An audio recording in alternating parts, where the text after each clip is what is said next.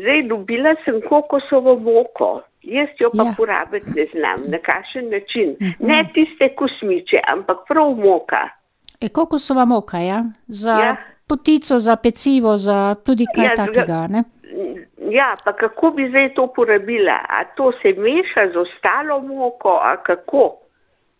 E, glejte, vi lahko delate eno, ene hlebčke, kokosove hlebčke, običajno jaz tudi naredim, kjer se ta mok, e, kokosova moka zameša med drugo moko, ki je v sestavinah, e, s pripa- tudi pecilnim praškom, ki je, in se potem zameša v testo, ki ste ga pripravili za kakšne piškote, naprimer, in potem pa kroglice, običajno, če so iz tega narejene, ko jih delam, jih še po kokosu malo povaljam, da so taki kosmati, bi rekla, in odlagam na peki papir na pekaču.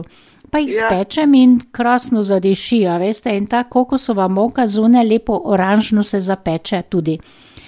Ali. Ja. pa popražite kokosovo moko z sladkorjem v prahu, je boljše, v ponvi suhi, brez eh, dodatka ja. masla tekočine in jo mešajte vedno, da se enakomerno pride, ogreje in dobiva barvo, zadiši. Ja.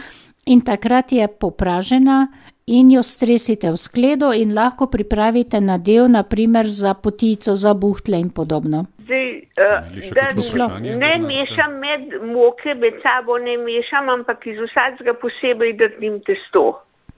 E, glejte, pri piškotih zamešam v moko tudi kokosovo moko takrat. Aha, ja, a Recimo. tako.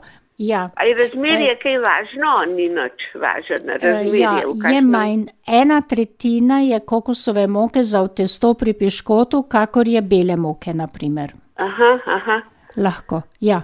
No, Samo ja. Nekaj je dodate, drugo pa se lahko po vrhu še potem pokotali ali pa mehko potresete, recimo, če valjate ja. Testo, pa, uh, pa potem mehko pomažite z jajcem ali pa samo z beljakom, pa majhen ščepec za te kokosove moke gor kot en mali kupček, ne, in vam bo se to zarumenelo in boste takole imeli en dober okus eh, kokosa na piškotih in to so kokosovi piškoti lahko, ki si čistko le improvizirate z drugim testom, pa sem povrh dajete malo.